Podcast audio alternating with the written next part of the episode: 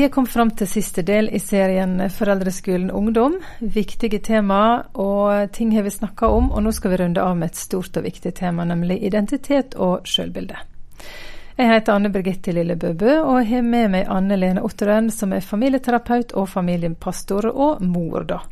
Og Anne Lene, hva er identitet og sjølbilde, og hvorfor er det et viktig tema i forhold til ungdommene? Det er noe annet enn sjøltillit. Ja, identitet og sjølbilde det handler jo ikke om prestasjoner, men det er mer begrep som beskriver vår oppfattelse da, av vår verdi som person. Sånn at sjølbildet det dannes med at vi føler oss verdsatt og elska. Og ja, det er jo noe som må bygges opp over tid, rett og slett. Og jo bedre sjølbilde vi har, desto lettere vil det gjerne være å stå oppreist, selv om omstendighetene rundt kan være krevende. Og så når det kommer til sjøltillit, så handler jo det om prestasjoner og hva vi kan, eller hva vi tror vi kan mestre. Sånn at selvtilliten vår den kan styrkes gjennom at vi får bekreftet det vi gjør og hva vi er flinke til. Og det er høyst mulig å ha stor eller høy selvtillit på flere områder, og samtidig ha lav selvfølelse. Selvtillit det er noe som varierer i forskjellige situasjoner. F.eks. så kan du være glad i å synge og kan ha god selvtillit på det. Eh, og så betyr ikke det nødvendigvis da at du har stor selvtillit når det kommer til det å snakke foran en forsamling. Mm. Mm. Så selvbildet handler om hvem jeg er, og selvtillit handler mer om hva jeg får til og mestrer. Det er vel mm. rett å si det sånn? Det stemmer, ja. Og så er det jo sånn at gjennom hele oppveksten så ser vi at barn de søker jo å mestre ting. Og det er vel lite som er så herlig som et barnefjes som er fornøyd med seg sjøl. Men hva er det som skjer når et barn har klart noe, fått til noe? Veldig ofte så kan du se at eh, de snur seg mot mor og far for å få bekreftelse. 'Så du det, far? Var jeg flink? Vil du se en gang til?' 'Er du stolt av meg?' Det, er liksom, det bare tyder ut ord av øynene, syns jeg. Mm. Eh, og jeg husker et av våre barn som klarte noe som hun hadde øvd på lenge. Og første reaksjonen hennes det var 'Å, nå ble du vel kjempestolt av meg, mor'.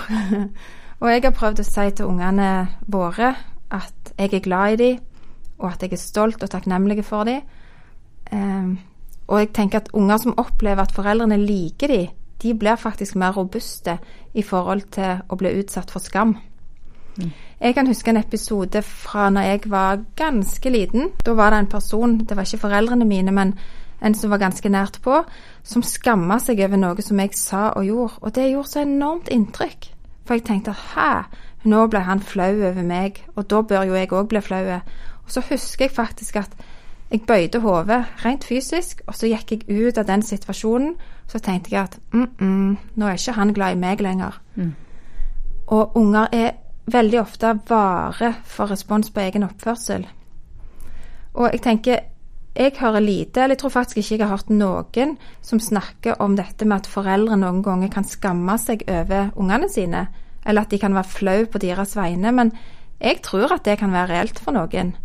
Hvis ungene ikke oppfører seg sånn som vi ønsker, hvis ungene ikke mestrer ting en skulle ønske at de mestrer, kanskje. Og hvis ungene senser noe av denne skammen da hos foreldrene, så tror jeg at den faktisk kan overføres, selv om vi ikke er bevisste på den. For skam det er noe som gjerne tyder ut både nonverbalt og gjerne som unnskyldninger eller bortforklaringer som kan sies til andre som er i situasjonen. Mm. Jeg vet ikke, det kan høres litt rart ut kanskje å snakke om det, men jeg tror at vi foreldre fort kan sammenligne oss, vi kan sammenligne ungene våre, hva de får til, og hva karakterer de får, og alle disse tingene her. Og da er vi inne på et farlig spor, for det, både unger og ungdommer de skal jo på ingen måte måles og sammenlignes. De skal bare elskes og heies på. Hmm. Ja, det er veldig viktig å ikke knytte kjærligheten til hva de får til å mestre. Og Derfor blir vi vel også anbefalt å si gode ting om personen, ikke nødvendigvis på hva de får til. I forhold til da ungene var små, så husker jeg jeg at du bør heller si 'jeg ser du er glad i å tegne', enn å si 'å, så fint du tegner'. Altså, Hvordan overfører vi det da til ungdommene våre? Mm.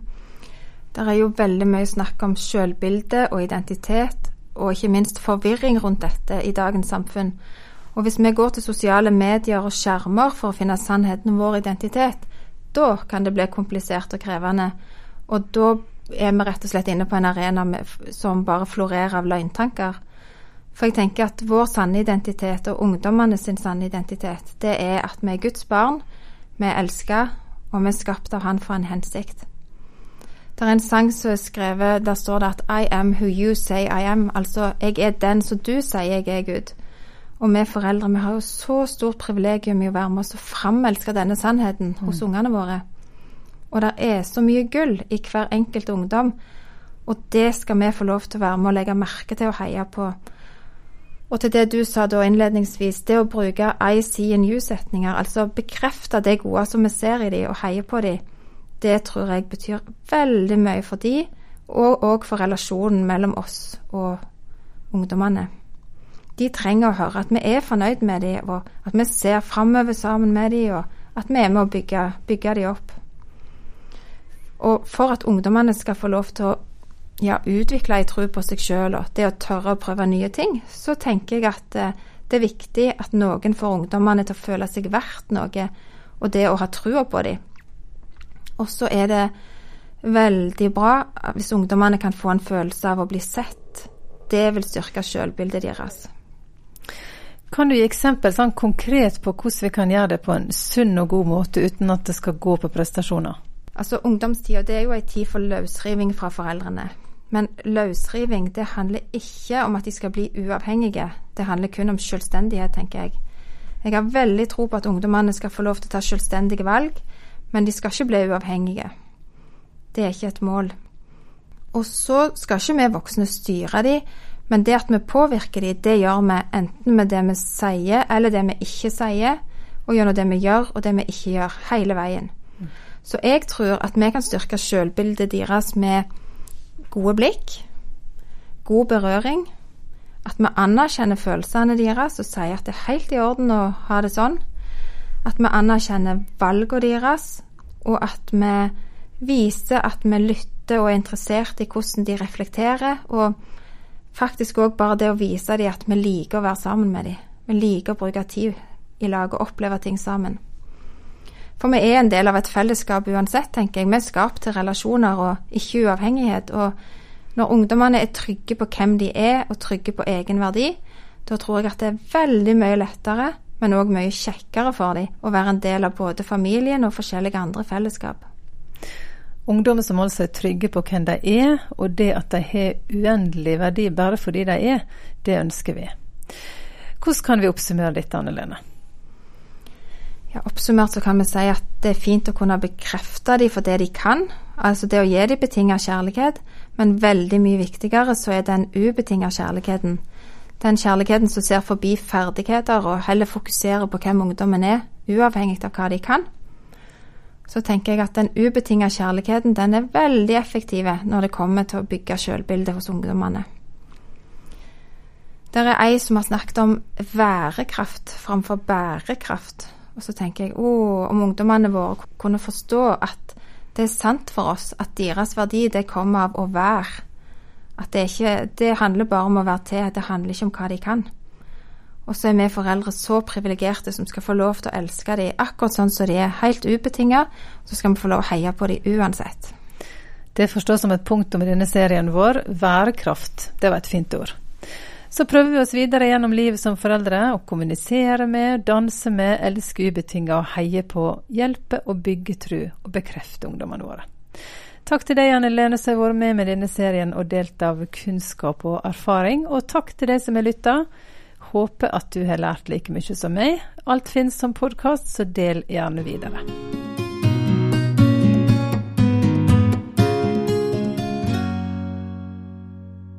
Du lytter til Foreldreskolen, en serie fra Petro. Her møter du Anne Lene Otterøen og Anne Birgitte Lille Bøbø.